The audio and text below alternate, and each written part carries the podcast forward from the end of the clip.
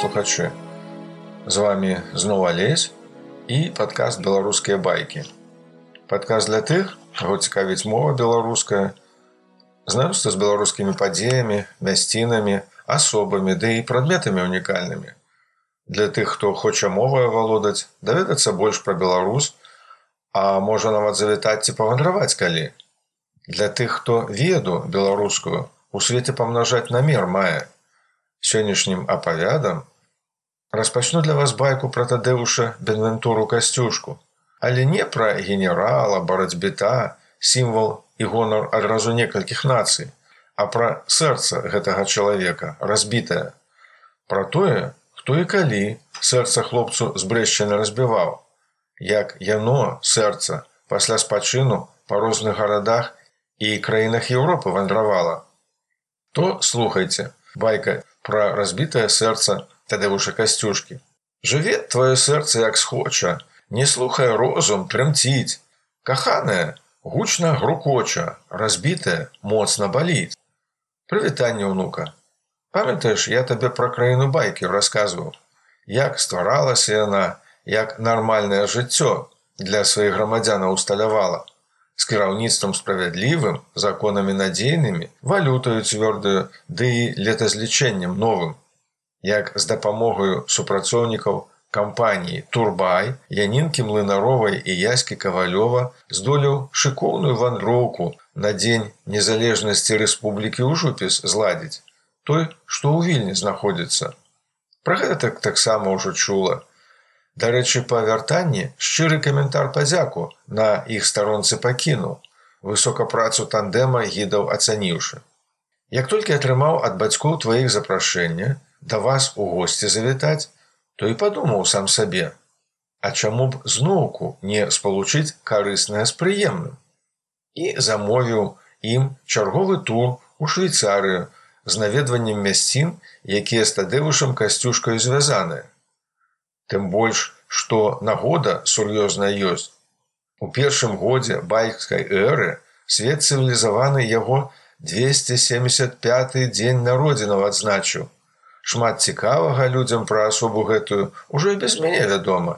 І што нарадзіўся герой першыя гады жыцця правёў на брэшчыне паміж косавымі ружанамі.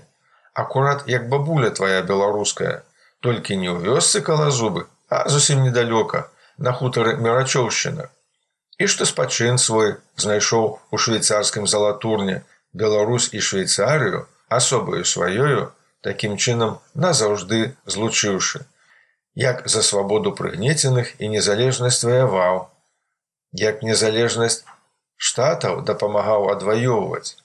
За аднаўленне рэчы паспалітай паўстанню ўзначаліў што героем сусветна вядомым стаў пра асабістае знаёмства з прэзідэнтамі ЗША Джорджам Вашынгтонам, Томасам Джефферсонам, імператарам Францыі Наполеонам, царамі рассіі Паўлам першым і Александром першым, князямі рэчы паспалітай чартарыйскімі і панятоўскімі. Пра тое, што ў петрапаўлаўскай крэпасці зняволення адбываў.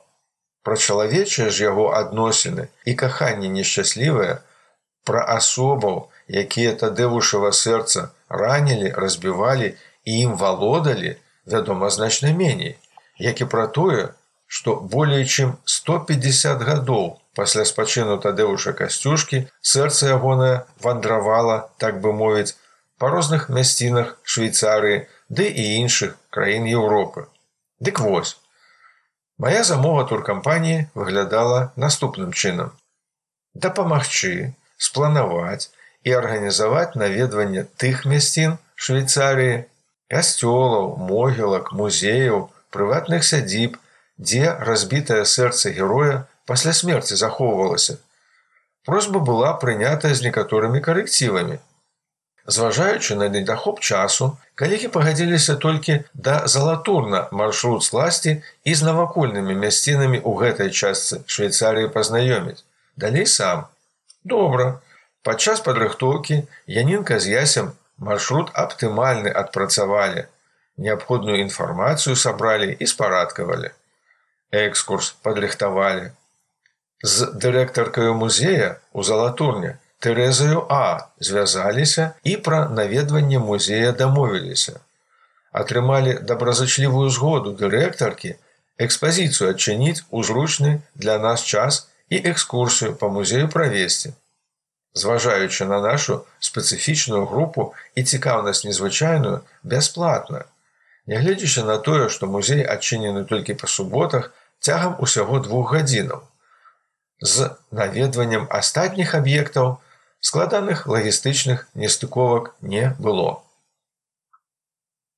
Выляталі польскім лотам, раніцою, у трох, з вільні на Мелан праз варшаву. Кавідныя тэсты ў аэрапорце хутка парабілі. Праз 30 хвілін на электронную пошту лісты з негатыўнымі вынікамі атрымалі. Фармальнасці памежныя прайшлі досыць хутка.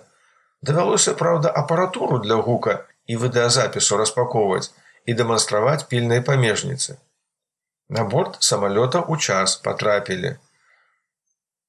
Пералёт і перасядка ў варшаве прайшлі без нечаканых складанасцяў. Калі толькі не лічыць, што, нягледзячы на абмежаванні кавідныя народу ў самалёце паўнютка было як селяцоў у бочцы што не крэсла то пасажыр ці пасажырка. У масках праўда але якая ўжо тут дыстанцыя? Адразу з аэрапорта мальпенса хуткім цягнічком на чыгуначны вакзал у мелане патрапілі. Кавы бутэрбродаў на вынас прыхапілі на цягнік з мелана да берна ускочылі праз 20 хвілін ужо па італійскай частцы швейцарыі рухаліся. Сядзелі, як зачараваныя і ў вокна дзівіліся. Прыгажосць неверагодную аглядаючы. Горы зеляніною пакрытыя з абодвух бакоў далягляд акаляюць шапкамі снежнымі каранаваныя, возеры абрысаў самых нечаканых у нізоўях раскінуліся. Па схілах гораў уступамі дамкі каменныя шчыльна туляцца, Вілы шыкоўныя на паўднёвых сонцам асвечаных схілах сябе дэманструюць. Краяведы тым самым упрыгожваючы. І ўсё гэта серпанцінам дарог паміж сабою злучаецца. Асабліва ўразілі танелі даўжэзныя ў гарах паробленыя і цішыня ў цягніку.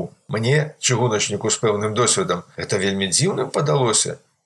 Не было чутно, ні каб колы цягнікоў на стыках рэйкаў грукалі, ні каб шчэпкі вагонаў адна аб другую ляскалі, ні ў танелі, ні на станцыях. Ачомаліся, каву выпілі. Яська увагу нашу да сябе прыцягнуў. Літаральна перад выездам, ціха, каб не турбаваць іншых пасажыраў, сказаў ён, некалькі цікавых дакументаў у сеціве знайшоў. Яны хоць наўпрост да тэмы нашай не адносяцца, але чалавечыя якасці тадэуша і жыццёвую неспрактыкаванасць вельмі добра адлюстроўваюць. Тадэушам касцюшкам у розныя гады было напісана аж чатыры тэстаменты, якія ўсе вельмі па-рознаму выконваліся.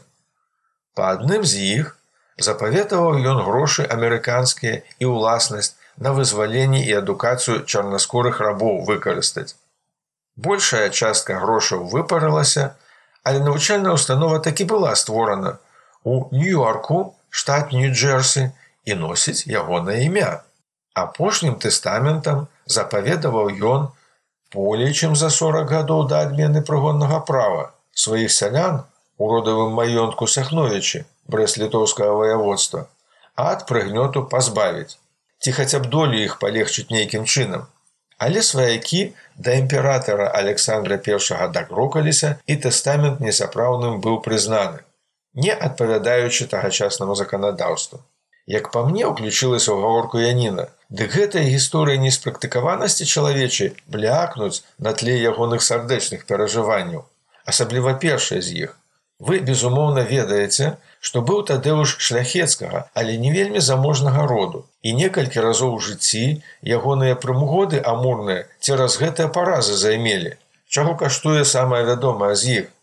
Вярнуўшыся на радзіму пасля навучання ў варшаве парыжы, ён мусіў зарабляць сабе на жыццё, сённяшнімі словамі кажучы, рэпетытарствам, хатнім дырэктарам у суседніх сасновічах падпрацоўваў. Дачок гетмана Юзафа сасноўскага кацярыну і людвіку маляванню матэматыцы і гісторыі навучаў ды з такую адданасцю імпэтам рабіў гэта што адна з дачок людвіка ў яго закахалася Як гэта часам здараецца, пачуцці сталі ўзаемнымі. Закаханасць, альтанка, прызнанні, патаемныя сустрэчы. Нягледзячы на тое, што ў бацькоў былі зусім іншыя планы адносна будучага сваёй дачкі. Бо касцюшка не роўня быў, не княжага роду.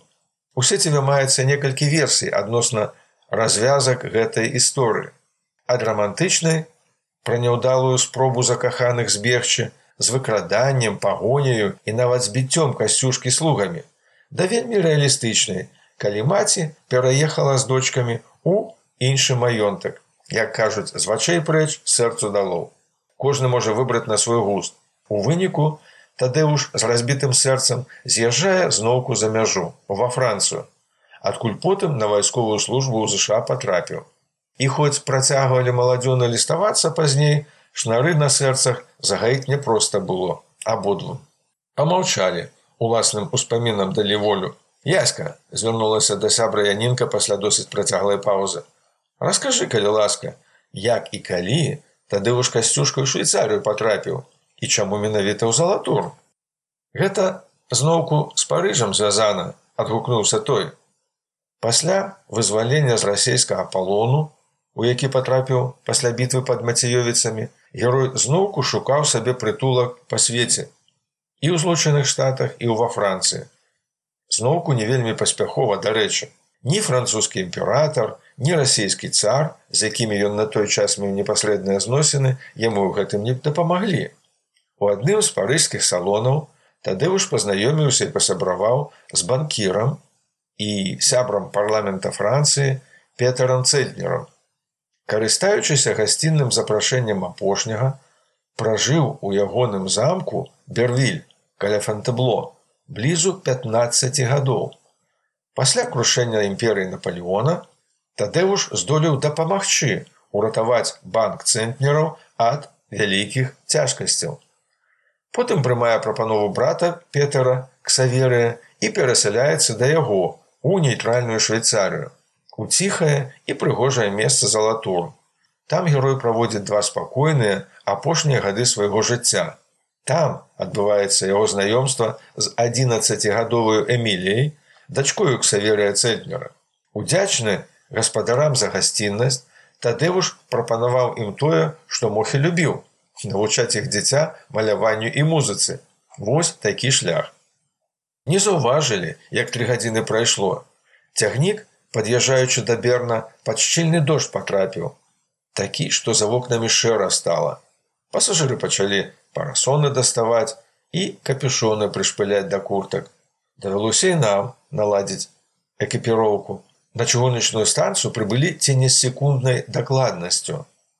Вось гэта пунктуальнасць не прамінуў падкрэсліць яська. А ведаеце чаму, бо швейцарскія гадзіннікі навокал. Трэба будзе і нам янінка тут мясцовы будзільнік набыць. Каб на працу не спазняцца. Як ты лічыш? Не ўпэўнена, што табе гэта дапаможа, спыніла яго разважанне янінка. Лепей бы падумаў пра тое, як за 20 хвілін перасядкі ў берня паспець ланчу дарогу набыць.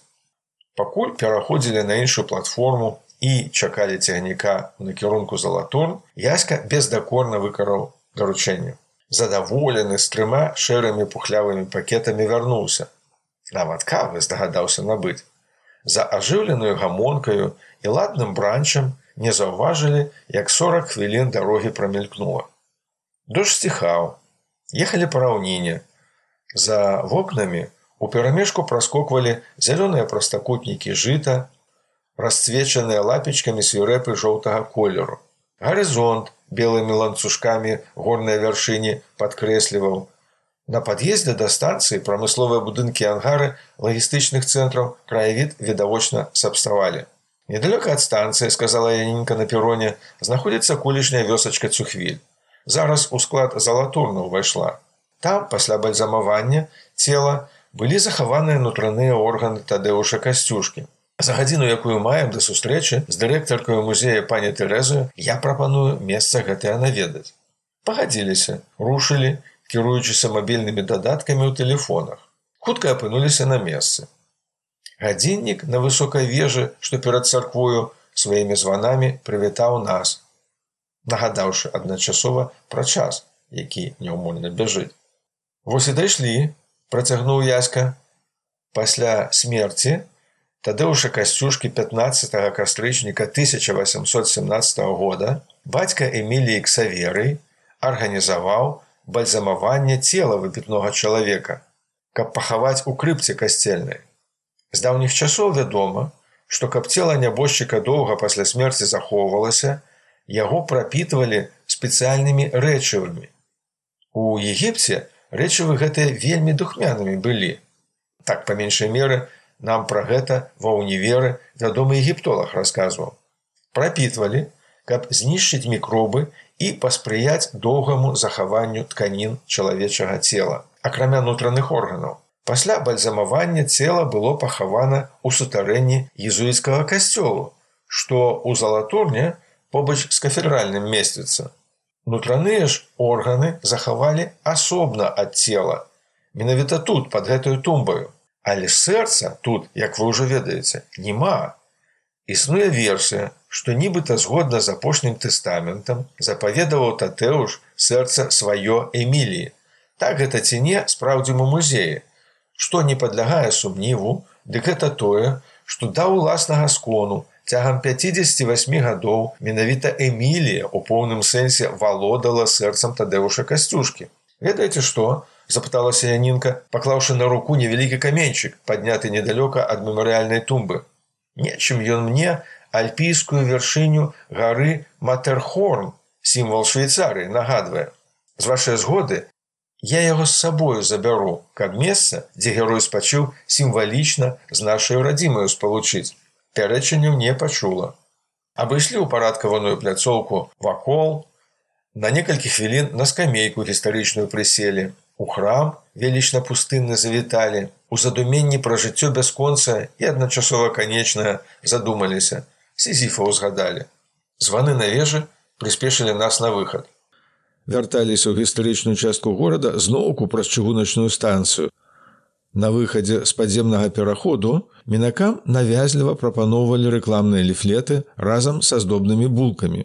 Каб добрых людзей не крыўдзіць, узялі і тое і другое. Перайшлі заліты сонцам невялікі мост праз рэчку Арэ. Праз сем хвілін былі акурат на вуліцы Гурзынгасца 12. Спыніліся каля ўваходу ў пад'езд з надпісам музей касцюшкі. Заціснуты з абодвых бакоў шклянымі вітрынамі крамы манор, агледзеліся. На вуліцы перад домам прыватныя прадаўцы прыбіралі часовыя прылаўкі. Згортвалі дзённы гандаль. На гэтай пешаходнай вуліцы залатурна пасерадах традыцыйна гарадскі кірмаш адбываецца. Зеляніную ды і прысмакамі рознымі гандлююць, пракаментаваў яська. Хутка да нас падышла невысокага росту стала жанчына з добрай усмешкаю на твары. Прывіталася па-польску. Прадставілася пані Тэрэзаю. Праз колькі хвілін ужо былі на пляцоўцы другога паверху, перад трымя белымі ўваходнымі дзвярыма. На кожнай з іх было напісана музей касцюшкі, адчыніла адну з іх, запрасіла ўсіх у пярэдні пакой. Праставіліся і мы годна народнай мове. Паразумеліся. Пані Тэрэза, адчыняючы вокны і запальваючы святло, паспела расказаць, што паходзіць сама з Польшчы. Працавала настаўніцаю, замуж выйшла за швейцарца, так і патрапіла ў залатурн. Больш як 16 гадоў працуе ў музеі, а апошнія чатыры гады ім загадвае. Гэтая шафа з арэху арыгінальная, знаходзілася ў пакоях разам з тадэвушам.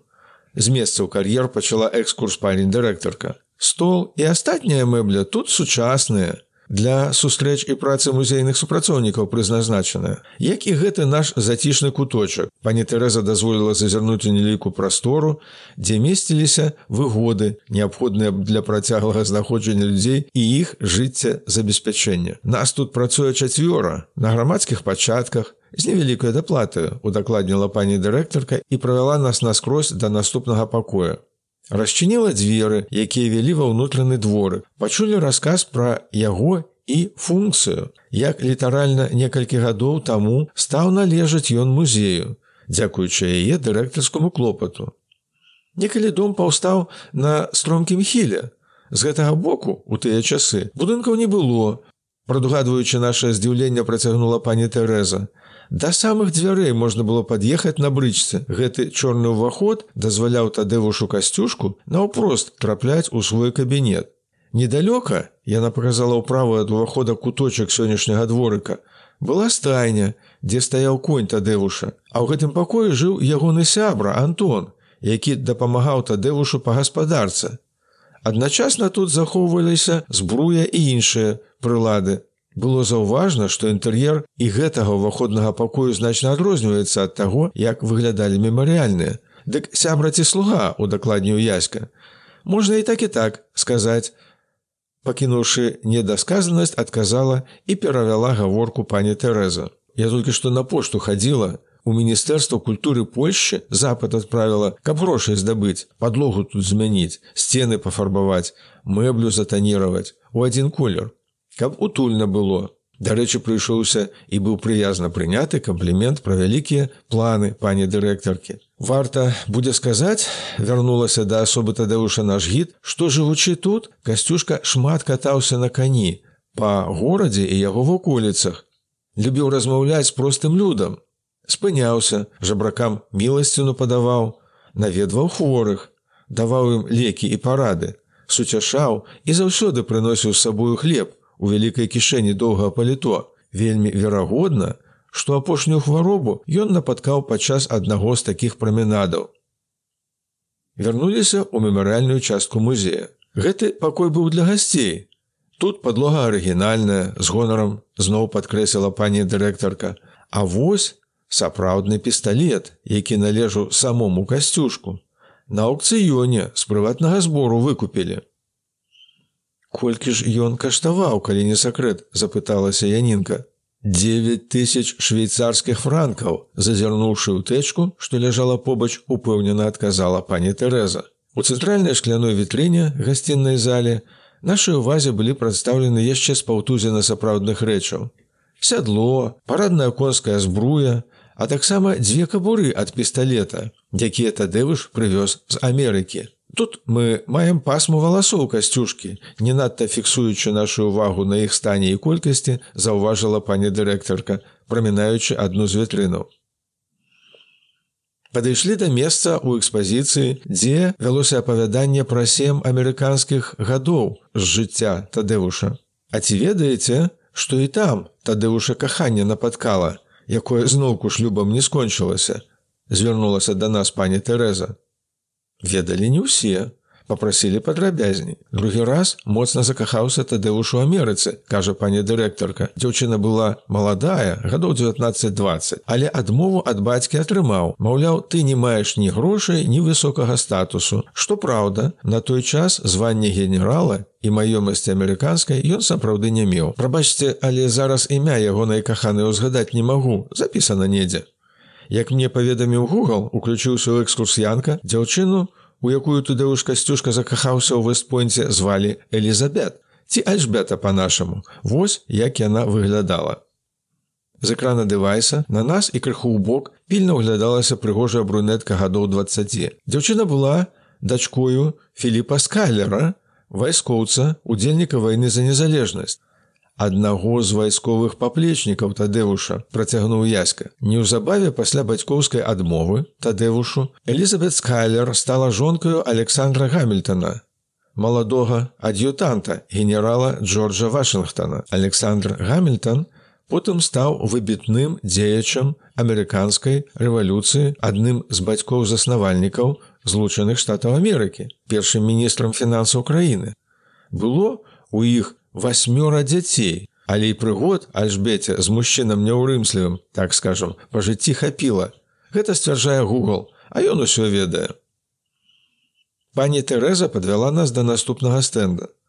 Паказала выгляд параднага фасаду дома, яшчэ не заціснутага вітрынамі гандлёвага цэнтру манор, уже вядомае нам фота з партрэтам Людвікі сасноўскай, зачапіліся за фото ўласніка дома Ксаверыя Цэнкнера і дачкі ягонай Эміліі паспрабавалі павярнуць шматвектарную гаворку ў патрэбны нам бок. Пані Тэрэза асцярожна падала голас Янінка. Нас цікавяць асабістыя адносіны тадэўша Эмілі. Эмільцы было 14-15 гадоў, калі яны пазнаёміліся, вярнулася ў тэму спадарня дырэктарка. Касцюшка навучаў яе музыцы, матэматыцы, мовам. Шмат размаўляла яна з касцюшкам. Верагодна, узгадвала невялікі пасаг, парушыўшы ягоны сардэчны пакой. Вось тады ж касцюшка і узгадаў яе у тэстаменце. Цікавімся, ці быў надрукаваны гэты самы чацвёрты тэстамент.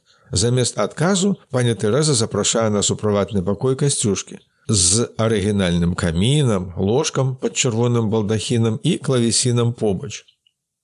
Па дарозе паспявае ўдакладніць, што насамрэч ложак стаяў інакш уздоўж пакоя. Энергічныя супрацоўнікі музея развярнулі яго, паставіўшы ўздоўж сцяны. Для шафы места вызваліць вырашылі, каб кніжкі не ляжалі на падлозе. І што падлога тут гэтаксама арыгінальная. Вось копія тэстамента спадарыня Тэрэза дастае з-пад крышкі клавесіна і падае нам некалькі аркушаў паперы пакрытых роўнымі радкамі рукапіснага тэксту з аўтографам. Арыгінал знаходзіцца ў архіве залатурна. І тут напісана, што сэрца сваё ён у спадчыну пакідае эміліі, зноўку вяртаем гаворку ў нашае рэчышча. Тут пра гэта не напісана. Катэгарычна расстаўляе кропкі над і пані дырэктарка. Ён не аддаў ёй сваё сэрца, ён аддаў ёй свае грошы. Эмілія атрымала 90 тысяч дукатаў срэбрам. Зараз гэта каля 4 мільёнаў швейцарскіх франкаў. У тэстаменце напісана толькі, што каму і колькі ён пакідае. З сэрцам было інакш. Цэльтнеры забальзамавалі цела.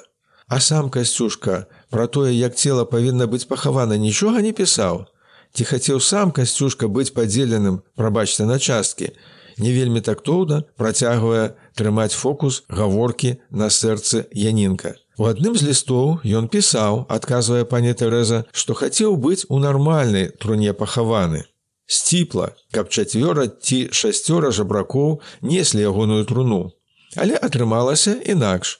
Улічваючы прыжыццёвы статус касцюшкі, ксаверы цэльтнер, тагачасны мэр залатурна, дарэчы, арганізоўвае бальзамаванне і пахаванне цела, Такім чынам, мумія касцюшкі была пахавана ў труне пад падлогаю у катакомбах касцёла езуітаў. Як пазней павярнулася часова, унутраныя органы былі захаваны на могілках у цухвілі, а сэрца ў шклянцы з фармалінам засталося ў сям'і цэльтнераў. Стаўшы ў 15 гадоў жонкаю італьянскага князя Джаванні Батіста Маразіні, Эмілія з'ехала з бацькоўскай хаты. Выказаўшы жаданне забраць сэрца касцюшкі з сабою, і ўсё жыццё яго перахоўвала. Як вы думаеце, працягвала дазнавацца Янінка, кахала Эмілія Тадэуша ці проста была ўдзячная за грошы. Не думаю, што кахала ва ўласнай манеры, не пакідаючы каліва сумніву, адказала пані дырэктарка. Хутчэй была ўдзячна за грошы. Ёй было 13 гадоў, яму 71. Касцюшка ставіўся да яе як да ўнукі. Гэта урна была зроблена вінцэнтам траяноўскім спыніла нас каля яшчэ аднаго музейнага экспаната пані дырэктарка. У ёй сэрца месцілася падчас знаходжання у польскім музеі у мозалеі замка раперсвіль урна як твор мастацтва потрапіла ў залатурн пасля адкрыцця музея тадэуша касцюшкі ў 1936 годзе без сэрца. Робячы выгляд што адказы скончаныя, гаспадыня пацікавілася, ці можна выключаць святло і накіравала нас да выхаду. Шчыра падзякавалі за магчымасць патрапіць у музей, адчуць сапраўдную атмасферу месца і за каментары аўтарытэтныя. Пакінулі візітоўку і маленькі прэзент. Пацікавіліся, ці не пакажа пані Тэрэза нам накірунак да месца, дзе зусім нядаўна быў адкрыты помнік тадэвушу касцюшку пагадзілася патлумачыла што нам у одну дарогу. Это недалёка за гарадскую сцяную звычайна там яна бясплатна машыну паркуе. Літаральна праз 10 хвілін былі на месцы. Развітваючыся запрасілі ў наш край па касцюшкавых мясцінах. Паабяцала праўда пасля таго як абмежаванні каранавірусныя здымуцца. Развіталіся цёпла Праз некалькі крокаў у бок пратэстанцкай царквы заўважылі помнік, падышлі, спыніліся. На ўскрайку зарослага травою газона, побач з галоўную алею стаяла бронзавая выява невысокага сярэдніх гадоў чалавека, стомленага выгляду, у дзіўнаватых чаравіках, у цюрбане, шабляю, якую падтрымліваў левую рукою. Правая засунутая за пазуху кіцеля, нібыта за сэрца трымаецца, без высокага пастаменту і каня, зусім не волат, пракаментавала Янінка, маючы на ўвазе усе іншыя помнікі тадыўшу касцюшку. Падобна, што сэрца яго час ад часу сапраўды турбавала.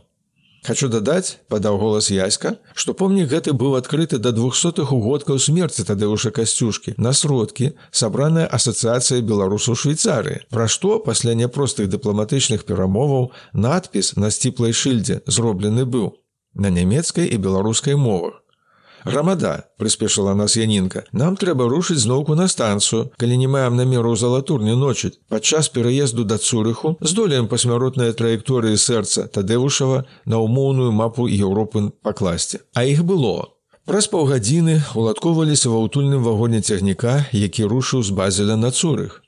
Як нам пераканаўча давяла пані Тэрэза, пачала гаворку янінка, Сэрца пасля бальзамавання цела і пахавання рэшткаў засталося ў сям'і цэльтнераў. Эмілія цэльтнер маразіні выказала найбольшую цікаўнасць да сэрца свайго апекуна і апекалася ім бездакорна. Вялікая сям'я маразіні, а Эмілія і Джавані мелі шасцёра дзяцей некалькі разоў мяняла месца пражывання. Паўсюль у якасці галоўнай сямейнай рэліквіі іх суправажала сэрца тады ўжо касцюшкі. Так выглядае фасад вілы рэкальці, якая знаходзіцца ў вярэзе на поўначы Італіі, развярнуўшы да нас экран свайго тэлефона, працягнуў яська. У гэтай фамільнай рэзідэнцыі князя маразіні сэрца тадэвуша касцюшкі было ўладкавана на вяршыні мармуровага помніку. Віла, дарэчы, стала сапраўдным цэнтрам патрыятычнага руху на поўначы Італіі. Джавані маразілі з эміліем і сынай бралі ўдзел у пяцідзённым міланскім паўстанні 1848 года, падчас якога іх сын Эміліо загінуў. Пазней сям'я маразіні пераехала ў вілу негроні вяця зусім недалёка ад лугана, што ў швейцарскім кантоне тычына. Там урна з сэрцам касцюшкі была размешчана ў сямейнай капліцы. Яшчэ 20 гадоў пасля смерці Эміліі сэрца захоўвалі яе дочки. У выніку ж намаганняў двух італійскіх грантаў, сябра сям'і маразіні кампазітара Джузепе Вердзі і кампазітара паэта перакладчыка польскага паходжання Арыга Боця, Анета і караліна маразіні, пагаджаюцца зрабіць данат у 1895 годзе да сотых угодкаў паўстання абвешчанага касюшкам яны перадаюць сэрца на захаванне ў польскі нацыянальны музей раперсвіля кантон сент-гален швейцарыя дзе сэрца экспанавалася яшчэ 32 гады А далей во што было працягвае Янінка траекторыю руха сэрца тадэвушага ў наш бок. У 1921 годзе пасля аднаўлення незалежнасці Сейм Рэспублікі Польшча прыняў рашэнне пра дастаўку сэрца касцюшкі ў краіну, каб захаваць яго у вавельскім замку кракава, дзе ўжо знаходзілася мумія цела. Урад выканаў рашэнне часткова сэрца тадэвуша касцюшкі з усімі магчымымі вайсковымі ўрачыстасцямі ў 1927 годзе было давезена да варшавы, ды і затрымалася там. На пачатку сэрца было перавезена ў каралеўскі палац, дзе месцілася ў хатняй каплічцы тагачаснага прэзідэнта краіны ігнація масціцкага У верасні 1939 года касета з сэрцам тадэўша касцюшкі была перададзена ў скарбніцу касцёла святого Яна Хрысціцеля, дзе амаль перачакала другую сусветную вайну. У 1944 годзе з-пад абломкаў храма, разбуранага нямецкімі войскамі ў выніку задушэння варшаўскага паўстання, перамешчана было на захаванне ў касцёл кармелітаў на кракаўскім прадмесце. З 1963 года экспанавалася ў нацыянальным музеі, а ад 1984 года зноўку вернута ў капліцу музея каралеўскага замка. Тут сэрца тадэвуша касцюшкі знаходзіцца і зараз. Всё гэта надзвычай цікава, звярнуўся я да гідаў. Безумоўна, што постаць тадэўша касцюшкі вартая далучэння да складу байктэону, верхняй палаты байкаменту. Тут ніякіх пярэчанняў быць не можа. А як вам такая ідэя? Заснаваць у краіне байкі міжнародную сябрыну разбітых сэрцаў. Хоць зараз магу прапанаваць кандыдатаў. Праметэй і Рчард Ільвінае сэрца, Владзіслав Ягайла і Отта фон Габсбург, Фредерик Шапен і Йозаф Пелсуцкі. Што скажаце? Відавочна стомленыя маладзёны перазірнуліся і далікатна паабяцалі падумаць. У вокнах замельгацелі вакуліцы цурыху, Праз колькі часу нашыя шляхі разыходзіліся. Янінка з ясем мусілі да наступнай раніцы патрапіць у данію. іх туды калегі з краіны хрысціяніі, што ў Капенгагене месціцца запрасілі, незважаючы на кавіднае абмежаванні, абяцалі цікавым досведам прыёму і рассялення іншаземцаў падзяліцца, абапіраючыся на шматгадовы досвед хіпі. Пасля сімпозіума іх чакала вяртанне ў байкі. Мяне ж пуцявіна вяла паўз Белензону і Лугана ў кастэль Сан-Петра. Развіталіся дамовіліся па вяртанні стэлефанавацца і спланаваць завяршэнне перапыненай экспедыцыі, наведаўшы кракавую варшаву, даехаць да мерачоўшчыны, такі давесці каменьчык са швейцарыі, дзе тадывуш касцюшка спачыў да Беларусі, дзе ён нарадзіўся. У музей перадаць сімвалічна кола жыцця тадывушава замкнуць, злучыўшы канец пачаткам ці пачатак з канцом. Так што унука далучайся. Дзякую вам, мае слухачы, за ўвагу і падораны час. Зычу добрага настрою, плюну ва вучобе і працы. Чакаю вас зноў на старонцы беларускія байкі. Тут, між іншым, можна на ахвяраванні падпісацца, не саромеючыся па-беларуску, станоўчую эмоцыю выказаць, падабайку паставіўшы. Сябру сяброўцы, байку, которую пераслаць, каб паслухалі, Хай і яны дазнаюцца, усміхнуцца і атрымаюць кроплю настрою добрага. Буду ўдзячны за заўвагі, пытанні, прапановы адносна пачутых і новых баек. За абрунтаваныя непадабайкі вельмі шчыра ўдзячны буду. Каб жа рэгулярныя абвесткі пра жыццё байкі атрымліваць, за гэтым будзьма ўсе здаровы. Да наступнай сустрэчы. З вами сёння быў алесь і падкаст беларускія байкі.